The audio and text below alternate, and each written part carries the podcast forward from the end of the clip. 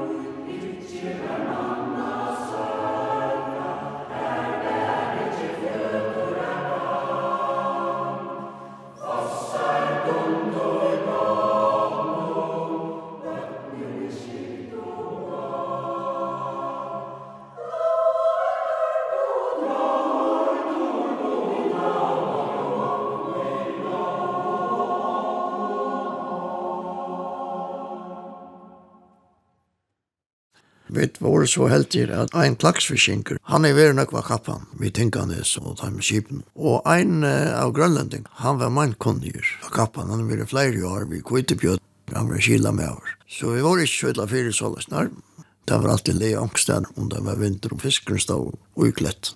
Så båten får til utrårar, og der kommer at det tølja 17. parten, vårfodler. Fiskarøyen var godt, og særlig godt, og den første tøyene minket jeg lødsinter som det la ut.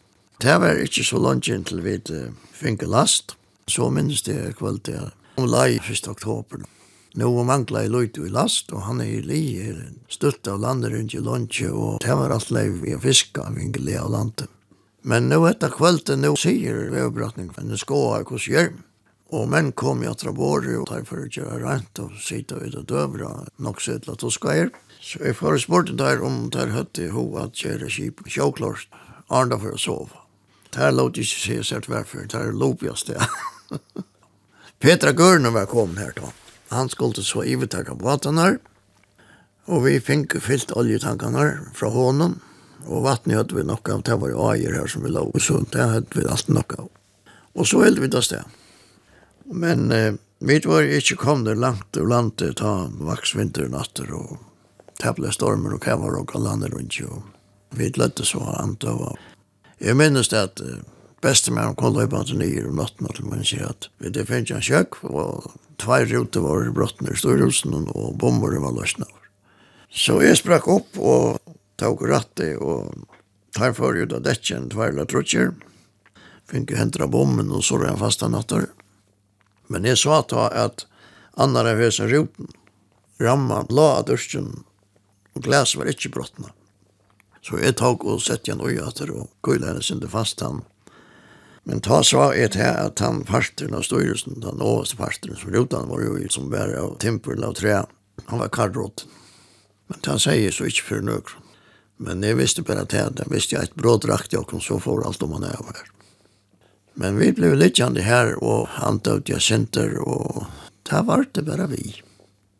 Vi hadde råkna vi at det var ivalest av olje til førjar. Det skulle til tid tidsi okkur fyra fem døgn hvis vekker var godt. Men vekkret det var et av avstikk. Vi kom i Løydesenter fram, vi fikk anker troplagar med motorene, men det fikk vi så ratta. Men uh, oljen for å minka, og jeg sa til at vi bør ikke å rakka førjar vi har oljen. Så landringen og kjøver og ikke testet vi. Men så också är det kanske vi kunde färra in av Västman och Tjärnar och lägga kostnader sin till norrötter. Men växer helt av och jag sa att vi drökar helt i Västman och Tjärnar, vi ser oljen. Så var det att släppa sig här så mycket långt norr man kom norr och Rökanes. Det var spännande, då hon begynte jag leka. Hon läk mer och mer och det var allt från Järva, ni vid Mastren och ni Stutten. Och länsepumpan virkade inte för väl av motorerna. Vi måtte pumpa ved dekspumpen, jo, jeg minnes det til enden. Da gikk dekspumpen annakvann tøyma. Pumpa en tøyma, så var lens, og en tøyma var en træd, så østesvinkel og ljatt. Så la jeg gikk det, så det ene. Men så, nødgjenda, eller tødgjenda kveld til, jeg får å ledja mine løte. Jeg minnes godt at det var frutja kveld. Da visste jeg at her heime var jeg her som jeg kom fra her, dette bøna møte frutja kveld, jeg hoksa et heim inn hos dokken, og jeg savna i. Og sveva enn av gåa løt, jeg fikk en døylig en blond, her så oppa til styrus. Ta stenter 8000, han var annar bestemar, og styrer, og anker annar vera reisende, og vi hittja så. Nå roi var jeg løytesynder og i kavarøy. Og vi sier bare i 8000, og jeg vi ein måned og stokk. Hva var det da? sier til, jeg kan bare telle sekundene. vet ikke om atter. Jo, det kom atter, og det passer jeg til fyrna rekkanes.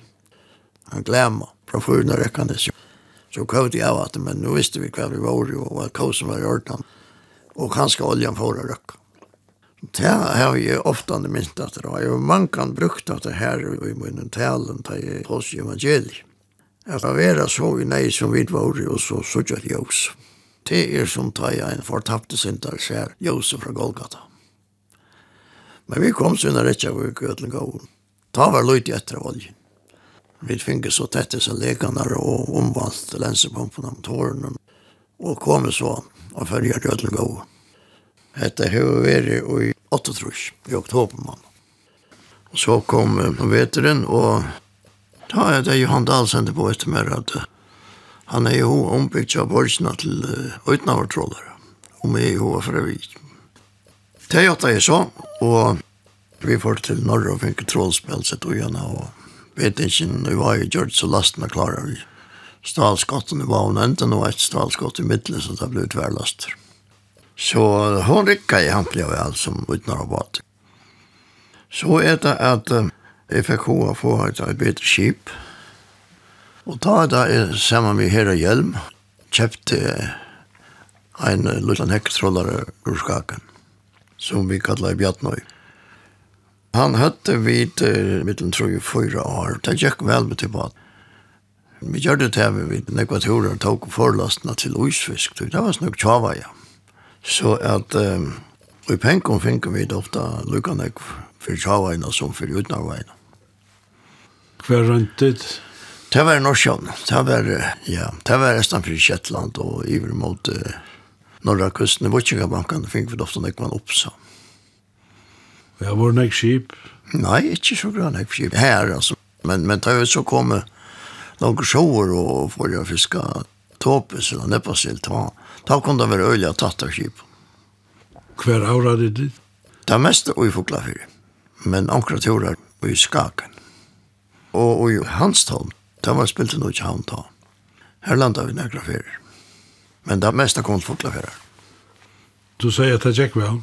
Ja, ja, det gikk vel, og så er det at um, våpenkeren ligger her i kajen i Vai, landstyr i 80-an, og ikke brukte han til neka, og landstyr kom i samband med okken, eller vi vi tar, det vet jeg ikke, men det er vel jeg også med kjeipan. Og det gjør det vidt. Vi kjøpte han og gjorde han om til uten av skip. Og han rikket i eisene vel, men så hendte det at oljeprysen får opp i kjøkken. Og jeg avrankan prysen uten av fisk, han får nyr i kjøkken. Jeg halte at han var kommet nyr av 16-20 år, da vi lød stilt. Han var om trusjøyre da vi kjøpte skip. Så det er slett ikke sammen. Så er det at vi får også om at uh, ombygge han til Rækjevei. Det var så landstyr vi på. Vi fikk et tilbå med en norsk skipasmye. Det kostet 11 millioner. Man finner ikke handelen. Han ble gammel redsmått. Og fortjeng og alt var kommet på plass. Så får vi et, et tilbå fra en kyrkmeklare om at um, det ligger en skrokker i Sverige vi høvsmaskinen vår. Og Og seljaren var avhøyre at det er et eldre skip som part var stjalt. Så vi sette jo kunne samband vi at han var en skipasmia som selte han. Og løtte det fyrir landstøyre. Det enda vi tog at det rådde jo til at det er et nødja skip. Helder inn og gjøre åpningen. Det er i tidsen av måneder langere. Men lukka mykje, det ble så gjort. Ta i vidt at du kan ha gjøtla hva det han kom å kosta. Han kostet 11 miljoner att köpa och det var ju tillbå från skala kipa som att göra litt någon eisen for 11 miljoner. Och vi hade ju akkurat halvt och til, till Kristina Lokus kom akkurat til følger om huset togene. Hun kostet jo 18 miljoner och var Hun måtte være motiverade 400 tons och skrokken har vært 500 tons. Maskinerna har Kristin Lokus minns det var 1600 hästar och var med 400. Friste kapaciteten til timer var 20 tons och akkurat var 20 tons. Så allt sammanlagt vurderer ut etter tog som Kristina Lokus kostade så var priser som vi tvingade för skala kippas med en rätt priser. Så vi, vi smäckade till och Svensk Exportkredit fortsatt skipet som vi skulle kjøpe, og skipskreditter i Danmark, skipskredittfonder i Danmark, for at jeg skulle gjøre seg skala. Vi er så nækka av ståttene ikke i landstøren. Så var det faktisk klart, men jeg minnes vel at uh, vi tatt uh, Leive Lutzen til Sækfører og Albert Mortensen var fulltrug her. Og det gamle Leiv, han var jo driven med innenfor jorda, og han sier vi jo at Det er ikke bare kjip i heim. Da er det var gjort at det går stått ned ur landstøren, så gjort at det er reisen ned vi halv for Bitjeland, det har sammen til meningslest alt annet. Men Albert Mortsen, han er jo hova, det og boi inn til Høtt i åtta Bitjeland. Men lukka mykje, vet du helt jeg at jeg Lutzen mot jeg var kjell for tog, og det er jeg sikkert sykleisene. Så hentet det som nevane hentet fyrre. Kjipet la skala, og Fortjen var jotta, men vi fikk ikke vi alt for bygge land til å stikke i fortjen nevnt. Og her ble det så den store knuteren. Paul Jelvesen var fortjen nevnt og han skrev en ekve bløyen i materie, at det var ikke rett. Ble blåst opp til en gøle, så her hendte jo ikke. Vi fikk ikke bygge land. Og skipet la her i ett år.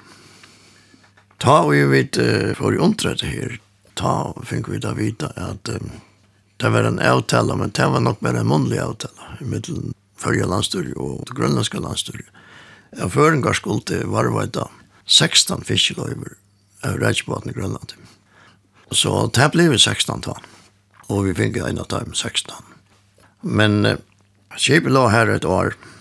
Til enda så klappte jeg fortsatt nevnt nivå, og skipet ble gjort li ut. Og ta kvota av regner. Og vi fikk etter første år 1200 tons av fiskar Men det var ikke vi gjør det. Ta mål rundt vi 1200 tonsen. Men så ble det mink opp at de her. Ta kan det slett ikke enka. Men dette var en grovlig tog for meg. Men dette skrokka om gikk fyrir seg i bløven og alle sånt. Det gikk jo det var alt møvelig, altså. Det var nesten ikke det med alle ting var vidt kjår av forsvinne eller åpnet det, så det var hardt liv. Jeg kunne nesten ikke Jeg kunne faktisk ikke gjøre. Jeg måtte være her. Og boja. Og det ble det slik størst opp når jeg gav døgn. Og her kom jo på å skrive gjestene, så jeg sverre atter til han, til han nytta enn nesten ikke så. Fyrir jeg få en enda at vi så gjør det til som, det ble man nok snakk med mot dem.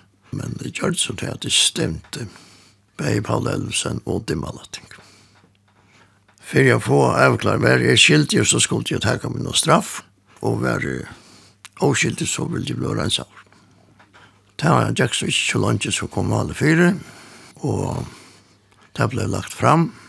Kar D. Petersen sa Salle var sækfører for meg, og Trygve Samuelsen var sækfører for henne. Kar var øppelig ugen etter å få det om, å få det dømt her. Du, han visste ikke at han fikk, han fikk det dømt her. Det var nekker skriva som var ganske hinne minna grensen av til søvelig og lovlig til dømsta år og dømmerlettinga. Da jeg hentan her nok omtale jeg tofla for landen, ta åt vi som eier av skrotjen, vi datt ikke reven i oss selv Akkurat hans i årene stod vi dømmerletting. Så det var ikke nivå om at det ble dømt for gjermeiing, det råkne vi. Men så spyr domaren om at det er noe mulighet for å mekla semje i malen. Og da var det kjødre å sverre, ja. Så vi får så ut i en rum i søgn av jeg og Karin Petersen, og så sier jeg at uh, hvis jeg skriver under på at jeg ikke har lagt meg under noe ulovlet, så vil jeg gjerne skrive under på semje. Og så sier Kari etter seg at skriver under på semje, så er målet avsluttet. Så kunne jeg ikke appellere. Og det er helt jeg som er en veldig fire måneder. Så, så der skriver jeg bare under her inne i ratten, og at der løtte meg ikke under det var gjørst når jeg gav lovlet. Det var det jeg ville hava ved Sakramalen. Det var så det. Kipet for oss det var som sagt 1200 tons hvis det var Det mål vi hadde rundt vi tog, men så ble det minne. Og nere i ånds. Det var ikke nekva veldig ui. Vi var en tur i Barensamn og fikk en last. Vi reiste i Kanada. Frådan Grønland for helt nere i ånds. Så gjør vi denne rundt og fjerde til Afrika. Vi fikk en fiskeløyve i, Mauritania. Og vi landet av tverlaster i Las Palmas. Ja, ja, det var for utgifter, men ikke størst mer enn det. Så vi gav oss vi tog. Jeg skriver til Kipskrittfonden. Jeg er ikke så ikke at det var mulig til omgang av tvangsasjon og bedre gjøre kjøtt av. Det var rett vi at lærer seg ble skrivingen at uh, folk fikk til fætan at vi tøtte i omgang av penger utan det som fingerbors ur og selja bjørn i tvei, eller våpenkin. Men så er det svært ikke. Jeg, jeg finner ikke om på for rapp spelfabrikken i Norra, og jeg driver til i noen år, og at det nok så fyrt av penken til gåa enn ikke taimen. Det var så i skrotjen eisen, så det var ikke bare Søland av Bjartnøy 2 som gav okken egen kapital. Det var faktisk et avavert arbeid midt ut i heila, det fikk jeg det ombå i. Og det har kort til flere anlegg, og så kom det å mangla servicemenn. Og medan det ble arbeidet på skrotjen la bjørn tvei og skala kipa smim. Så kom jeg kjenne en unga mann som arbeidde som smimeister her. Det la en meister under en løren for meg. Det var fullføringen Kari Johansen. Og jeg fortalte Kari og spurte om han er i ho å teka etter her servicearbeid på seg fyrir rapp. Det ble dårst å sende en mann fra båt til forrige, bare skiftet ventil ofte.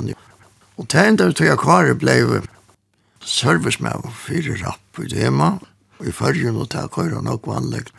Det er vi tok han og tok seg av, men jeg måtte så sykla og søla minka i, og det enda som vi tog at jeg trekte meg ut her. Kvar kjøpte faktisk agenturer fra meg, vi er en parti av tog som han selte det første året, Og han stavna så sitt egna virke innan hydraulikk, og det er ikke køy og hydraulikk i det. Bare akkurat jeg spettel at kvar sjolver hatt fra av sjuke, da er det kort på det aller beste, men det køy så enn.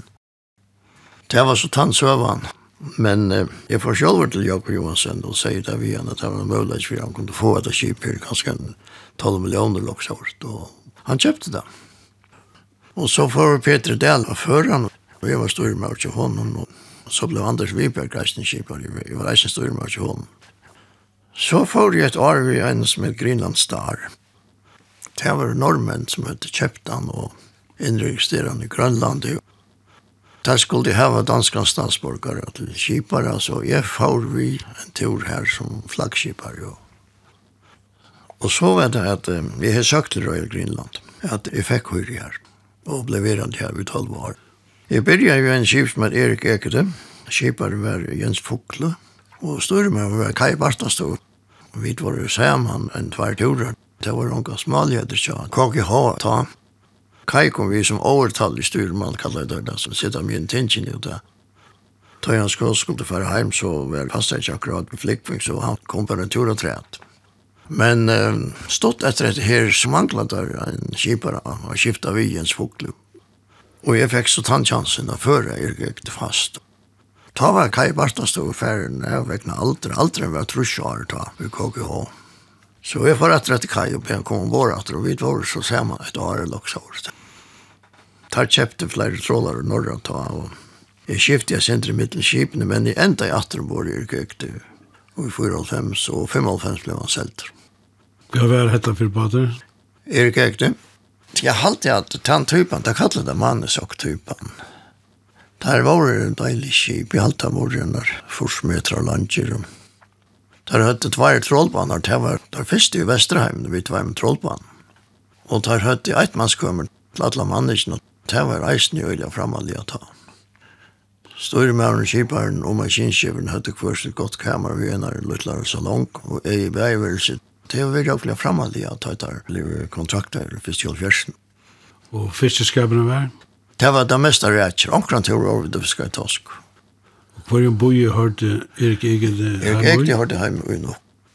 Jeg var som torer vi i Sisimiot, han hørte hjemme i Åslandsborg, og omkring til i Pamiot. Han hørte så hjemme i Pamiot i Fredrikshåp. Men så kjøpte der når jeg smarrige på. En som heter Kangili Nek. Her var det lunge vi Han var kjøpte bare til å fiske fisk og fiske til reitje fabrikkinar. Men til enda fink vi så kokar om vår og pakka i kokar i reitje med ett kilo pakkar. Så det var sikkert et godt hoskod, vi fikk nekva penger for det. Men så er det at jeg, selger hese her skipene. Først hentan her i Kanklenek, og så er det ikke det. og Jeg var ferdig narkast og alt rundt tar man etter kontrakten det skulle til ut 15 så trus år. Så jeg ble sagt opp da jeg tar ble selter. Tjekk så heima, man fikk en lydesenter av oppsaknar høyre. Men så ringte jeg der en dag og sier til at uh, der hadde jeg et konsulentjobb for en kipare i Sør-Afrika. Og vi har jo vært rundt det. Og snakket jeg senter om hva jeg skulle ha fire det, og der kom jeg til en mann eller fem viker og Jo, jo, ta bjør meg trus tusen. Og tre at oppskakna høyrene, så jeg, helt det kom det være spennende å røyne. Det var nok så avhvert tur. Dette var jeg reier i Dørpa, som uh, åtte nekla små trådar her. Anker av dem var kjepter ur fyrjon, sammanslett som, som Tan Bjartnøy vi kjepter ur skaken. I halvtiden er det Norrhav, der var fyrjon. Her var som bor, og anker er reisende. Det var sånn der Vi spurte der ta, til dømes altså. Hver kom båten og, og motoren var. Det visste jo da at her fyllte vi kipen til det ble selt.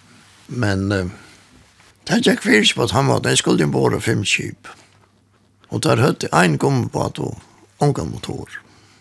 Da Jesus skulle skifta vel kipene så fort han i hei båten og sette han ut. Så lette vi da vår i her, så får inn i båten, og her var Ungar arar, ikke motor. Så her fleit jo i Mosabik-kanalen, jeg smatter. så kom en annar og tog meg opp. Og så leis ble vi skifter mittelen atlar. Disse her fyra-fem batanar. Vi spurte så hver i motoren vi har. Ja, men reier nødde tidsen til sport, altså. Så kjiparen sier for meg at uh, Cape Town var 20 år attan for okkon i Europa. Så det er galt fiskevinn, men med dørpen var 20 år attan for Cape Town, sier han. Det var så där vi kom in i Mosambik. Vi blev formbord här och för land här och här är akkurat vi folkakrutsch, det var kanske inte ordentligt avslutat. Men här var det nekve som stod i hållen, jätja byggningen och sådana gång. Ja, da jeg kom nye, da kom tvær menn fra Cape Town til Johannesburg mot meg, og kom så vim her til Mosambik. Der skjøtte så til at uh, dette var et oland, men vi det var en gående agent, sier der. Han var prædikum av reisen, sier der. Lukka som er stempelt av gau i hånden. Og så, så sier vi der, ja, det er faktisk reisen selv. Så jeg kom, uh, og pratet sin vidt av mannen. Han bjør meg heim, da jeg vidt hvor vi heim etter. Men neien var stor her. Det er såst, altså, middelen til fatika folk. Jeg minns den smadrank og kom ombord. Annars var det alltid avsperra. Det måtte snuta seg på jomannen igjen, men det kjente jeg ikke av dronjen.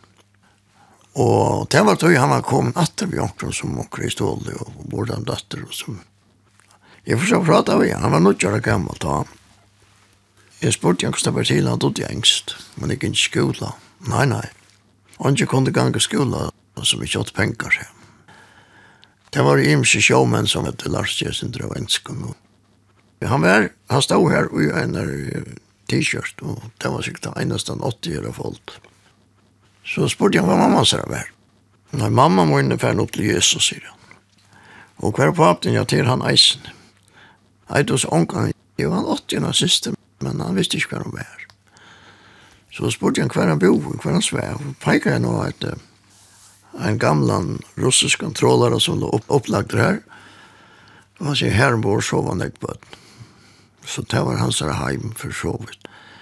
Men uh, her var det således at uh, mätaren ur mässan i hamla på ytter ut i portion. Man fick en Man fick en goa portion, det är släckt det. Jag spurgade så katchen om jag kunde byta mina portion vid enda dröntgen. Jo, jo, det var gammal då. Han kom så en mässan här. Och... Han är känt bättre det är det sa man. Han tog knuv i hånden och tackade för mäten och allt det där. Kvar han är nu till, till var vet var herra, själv var det bäst, men så läs var det levde nog på Men så sier sin her agenter i firmaet at han høtte 3000 bøtten som da skulle.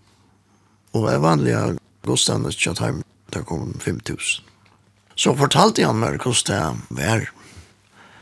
Ta det var det portugisisk koloni, sier han. Ta, ta var uh, ikke hunker og nei, det var smalet, men ødele. De fleste gjør til arbeid, og, og man fikk det man skulle kjøpe. Men så kom uh, kommunismen kommunistene og vi tok land og ta var verre, sier han. Ta nytte jeg ikke heva penger, ta var det ikke vare å få. Og ta flotte til Portugal, kona som var portugisisk, han selv var amerikur. Men så tar jo kommunistene for, så flotte jeg til Mosambik. Det var nok så avhavert, og eisen jeg suttet til her. Det var så til, så kom jeg heimater, at han og til. ja, jeg var i Svalbard med Jakob Åtjana, og og så vi i South Island. Og i middelen her lukket var så prøver vi å rekke et lite plegg av ikke var Det var 96. Men det gikk ikke, det var mitt ute i Ryngas kreppetøyne, det var bare rønt, og vi dødte det, jeg vet ikke om det var et år og så året. Og så får vi South Island, som nevnte Johanne, men så er det at uh, Torla Mikkelsen søker etter følelse til uh, et hollandstrøyer ui. Dette var mitt i Ryngas kreppen her i følgen.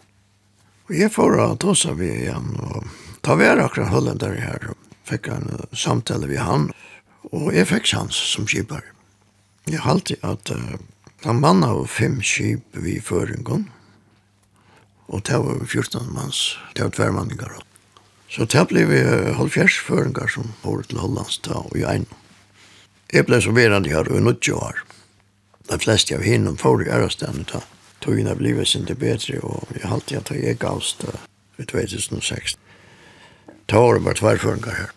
Da kom vi til å sikla sammen med nekvom russaren, og deks folk var det meste fra Indonesien, kokkareisene, og nekker hollendere og sjølvand i middelen, ja. Og hva var arbeidet kjøttgånd? Det var halda vakt ved Boretårn. Og hese skipen er, jeg tror jeg at de var kjøpt i fyrgen.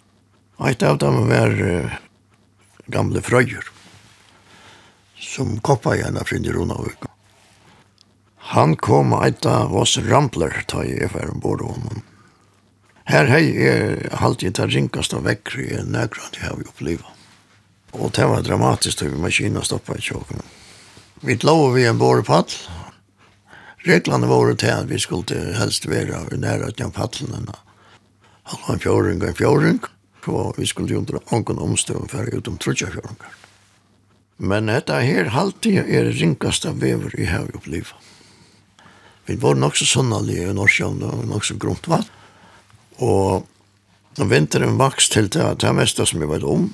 Vi hadde en vindmalare, han får i båt. Han klarer ikke å male det, så han... Han gikk på minst ikke tolv, altså orkmær en orkan etter gamle skallen. Og grunt vatt mer, og kjøkvaren ble altså helt, helt ugiljande rynkur. Allt när man drar 20 meter att jag det har släppt från att korsera men det er tycker korsera det største jeg aldri å se. Og så hentet det Det var eneste ferie så nå år jeg jag var här att jag kallade av paddlen och säger att nå er löjtjenten så vanlig at vi tar ikke å takke omtan. Vi ligger bare på og vi kommer utom trots fjörungar.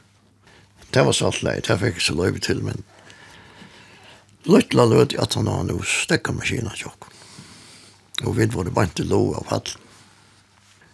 Og det var ikke sånn, det fikk han ikke gongt at. Men av veien hva skjer, så er jeg for å hitte etter hvordan vi driver, det er ikke kjøtt. Og det var ikke at vi reka bant av paddelen. Og jeg peilet den, tror jeg, fyra for når Arne sitte vitt her, at det er veldig gærlig, altså. Det ser ut som vi reka bant av paddelen. Og her ble sin alarmer, og eisen i land. Ja, helikopter stod klar, jeg vet ikke om det var ferdig luften, men kontoret var, var en full mann av Jøtlen her som, som jeg nekker vi etagerer, og vi stod i samband med kvelden alle togene. Og det ble vi. Peilen ikke visste akkurat det samme, vi kom på intervallen. Så her er jeg ikke gjøre, altså. Streimer kom til brøytast, og vinterretningen kom til brøytast, men det var ikke, lå ikke munnere makt. Men uh, vi sørste løt, jeg lurer kom det innan halvann fjorden klokk, så det var helt det kanskje at, at det brøtte løytesenter. Og, og da vi var inne i 500 meter, da kunne jeg si, vet du, jeg sørste jeg vil komme og fære fram vi. Og vi får strukande fram vi, 100 meter fra fallen. Og vi får langt om det learen, der finner jeg gongt etter. Så det, det var en spennende løte jeg ble så verande her inntil jeg fyllte tjej i trus og her ta ta sa jeg til at at uh, kjolt hollenderen som var om den alder der ble oppsagt der så spurte han meg hvordan lunsj da kunne råkne og behalte meg her og etter hver om sommer og jeg fyllte tjej i trus 20. juli så sier jeg vet at nei, jeg sitter ikke var en bedre trett så jeg sier opp at det er 1. september nok så hvert Så ta enda i min karriere sjån. Da du sier at du setter ikke å en videre træt, var det tog at det var strev og løv? Ja, det var det faktisk. Det var det at det var små kjip, og vekkere i Norsjån og vetren til Kjellebjeilet. Og, og man skulle halta plass, man skulle være her. Men det var sånn ikke nøyser og ikke nivruising og sånne. Det slapp han fra også, men Men bara det här man skulle vara här och hålla plats under ödlomstolen. Tar man så. För det äldste center så. Det var det lukar gott om. Bara färre land. Absolut, nu har det blivit fors. Så akkur har du gjort det sørste i årene? Ja, ta i förland, ta fikk jeg arbeid som uh, vaktar med bra. Av Torsten Kipasmi. Det var ju jeg var. Tre kvira vike, sammen med vi var med dörren gamla kiparen. Det var ikke så galt. Så jeg nødt av er bare, ikke nek lønad i arbeid. Det er ikke omkring nottavakter, det er der mangler en nottavakt og en trålare, og det er så det. Du har gjort søndinger av rast vei i flere år. Ja, det har gjort det nok som jeg går. Det var mer tilviltende til at det kom på hytta, men det kan godt fortelle at hvordan det er. Kom og le. Det var så leis at uh, det var noen folk som vi kjenner vel, som heter vært i Grønlandet. Så silt vi en liten missionær på at jeg er ivrig. Det var Jonhard Poulsen og kona hans er Cecilia, som er grønlandst. Og så var det Benny Johansen Sale, Klaksvøk, med gode viner, kjipare. Han er vi. Og det greia fra oss her ut av Arjun en sånne morgen, og jeg var ferdig lort da. Så sier vi Svenneka Lofte som heier sendingar av Rastvei om å teke seg falskene vi gjennom sending, for det var avhåvert. Han var trekker, så han visste jo ikke om Grønland. Og så sier han, hvis du ikke om vi, så skal vi gjøre en sending. Og det er gjort det så. Det var den 1. desember måned alltid. Jeg minns det ikke årstallet, men lukka vi ikke. Vi gjorde en sending, og jeg var vi, og det er gikk vi fint. Og så sier han vi med at tusen veløkner, for man tenker omkring sendinga selv. Helt at du virkelig at jeg sier vi han, at jeg klarer det. Ja, ja, ja. Jeg sier så kvart ikke eile, ja. Det var så leis etter året at han var løktes vel utskriva. Og Svennik jeg finnes jeg vita at uh, hans sending var tidsin av skra vegna velsendingar. Men nu får han vita at det var sendingar lukka vel. Enda samme dagen som sendingar skal være om kveld. Så ringer han til moen og sier at det var en sending i kveld og jeg sitter når jeg eier og vi skiftast om å være til mamma og jeg slipper jo kan være Du må takke seg sent. Jeg takker sent ikke, nå sier jeg. Det klarer jeg ikke. Jo, det klarer du. Ja, men ikke, hun skal i luften om fyra timer. Ja, det vet jeg alt om, sier han. Finn omkran for å gjøre sending. Jeg vet ikke, det kom så som et husk og til, men som jeg sier, jeg setter bilen. Jeg sier, Svenne, nå kører jeg inn igjen til Rottmund og Lia, og hvis han sier ja, så vil det ja. Det var det var ikke en kjempelig av alt. Det var på en jól. Og jeg minnes det at Rådmund fortalte om Kosta var det halda jævla Mykinesholmen, da han var unger. Og så gjerne be ham jo ofte, ja, teka sendinga fyrir seg, og det enda så vi tog at det ble faste verster her, tog ikke år alt. Og du er samrømme vi nek folk? Vi er en rikvig folk, ja. Det var avhåverst, men det var, det skulle gjøres ordentlig, altså. Jeg får omkant i luften av i nøkron som, som folk ikke visste om fram og undan vidt tog seg alt vel i jøkken, så, så det kom ikke nødvendig spørninger, men vi så på vår i luften faktisk. Hva var det for folk? Det var imes, jo. Det var imes folk. Ja, mest var eldre folk. Som hadde en løserfæring, men, men eisen troboare som arbeidde ute i heimet, hadde kom hjem. Og så hadde vi et uh, sendinger på under jolaftan, hver vi ringte rundt til oss her, som var ute i Tropar av Örenten. Det så var det jo i Torskalandet och, och i Sydamerika och, og Afrika och, och Europa och Danmark, alla stedene. Det var Det har alltid varit avhållvärda sendingar att få alla som ena hälsan från hem.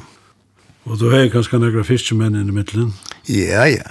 Det var der, ja, ja, ja. Det var nekvar. Kan jag bara stå över en? Ja, han har akkurat fått 55 år, så han visste nekvar sig. Ja. Så finnes vi å skrive og male senter. Du bor til havn? Det har vi gjort nå siden 96. Og det damer dere vel? Ja, ja. Det var de vel i havn. Hva er planer har du annars nå? Nei, det er ikke nok. Jeg gjør det som i førre fyrir, og Ja, jeg har faktisk tvær bøker som kommer ut nu av krisen døv. Så vet jeg ikke. Vi maler vi hvert tag, jeg har stundet til det. Og mene skriver maler jeg ikke, og mene maler skriver jeg ikke. Jeg tar ikke noen nottavakter til dem som er efter, jeg tar ikke noen nottavakter. Ja, du nevnte til at du er til sinter vi i samkomme ja, ja. arbeidet. Ja, jeg sinter. Det her kommer mest til at det er nottavakter, visst. Det er det meste som gjør her. Jeg får si deg takk for det. Ja, men selv takk.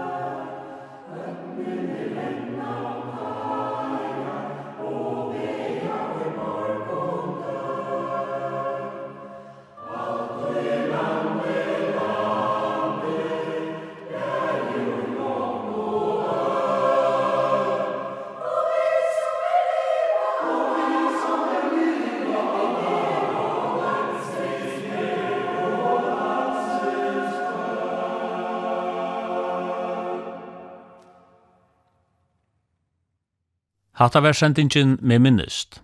Jeg var narki hitte Absalon Absalonsen ur Vaje. Hetta var tria og seinasta sending.